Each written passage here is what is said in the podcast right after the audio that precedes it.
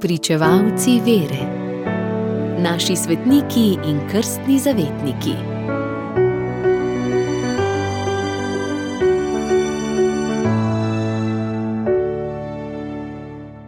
Danes zgoduje Rožnovenska Mati Božja. Mesec oktober je, prav tako kot maj, posvečen naši nebeški materi Mariji. Častimo jo z molitvijo Rožnega venca. Ta pobožnost, ki je postala vsakdanja duhovna hrana mnogih, je zrasla iz otroške vere preprostih src pred približno 700 leti. Povsod so se je z ljubeznijo oprijeli verniki vseh slojev in vse je obogatila, se je to čudovita šola življenja s Kristusom pod Marijinim vodstvom.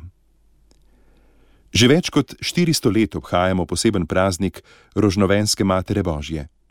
Sredi 16. stoletja je namreč krščanski Evropi grozila muslimanska nevarnost, ki so jo predstavljali turški osvajalci.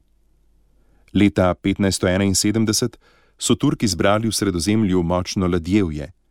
Papež Pi V.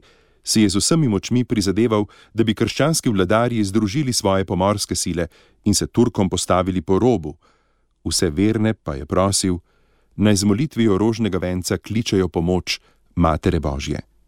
7. oktober leta 1571 je prišlo do velike pomorske bitke pri Lepantu, v kateri je bilo turško ladjevje povsem uničeno. Zmago je papež pripisal Marijinemu varstvu.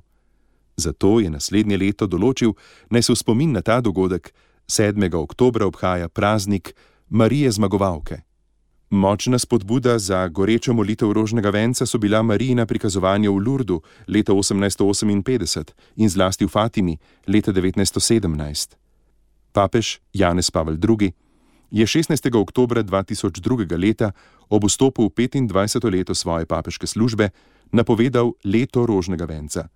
Ob začetku leta rožnega venca je tudi napisal apostolsko pismo Rožni venec Device Marije. V njem je papež v molitev rožnega venca uvedel pet novih skrivnosti: skrivnosti svetlobe, ob katerih premišljujemo o Jezusovem javnem delovanju. Radio Ognišče, vaš duhovni sopotnik.